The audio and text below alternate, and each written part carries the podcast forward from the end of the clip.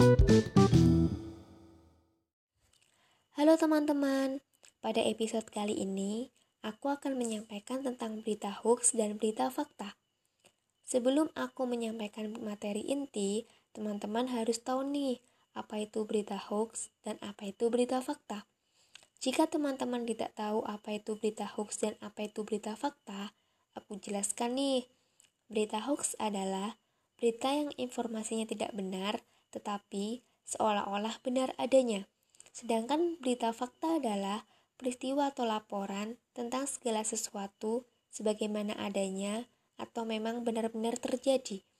Nah, sekarang aku akan memberikan contoh berita hoax. Aku mengambil dari laman RIM yang menyampaikan bahwa minimarket Alfamart telah menyumbang 6.000 kupon gratis yang bernilai 2 juta rupiah yang digunakan untuk melawan COVID-19.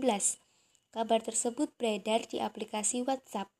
General Manager AMRT Nur Rahman mengatakan bahwa kabar tersebut tidak benar.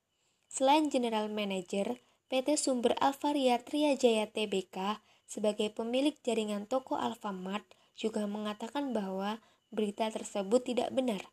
Nah, dapat kita simpulkan berita tersebut merupakan berita hoax.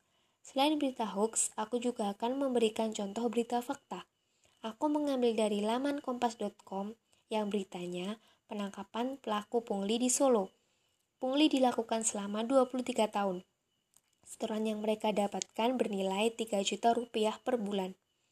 Kompas.com menjelaskan bahwa korban merupakan pemilik toko yang ada di sepanjang Jalan Rajiman, Yos Sudarso, dan veteran Ketika para pelaku melakukan penarikan iuran, mereka mengenakan seragam dengan tulisan Kota Madya Solo di lengan sisi kanan dan nama kelompok mereka di lengan sisi kiri.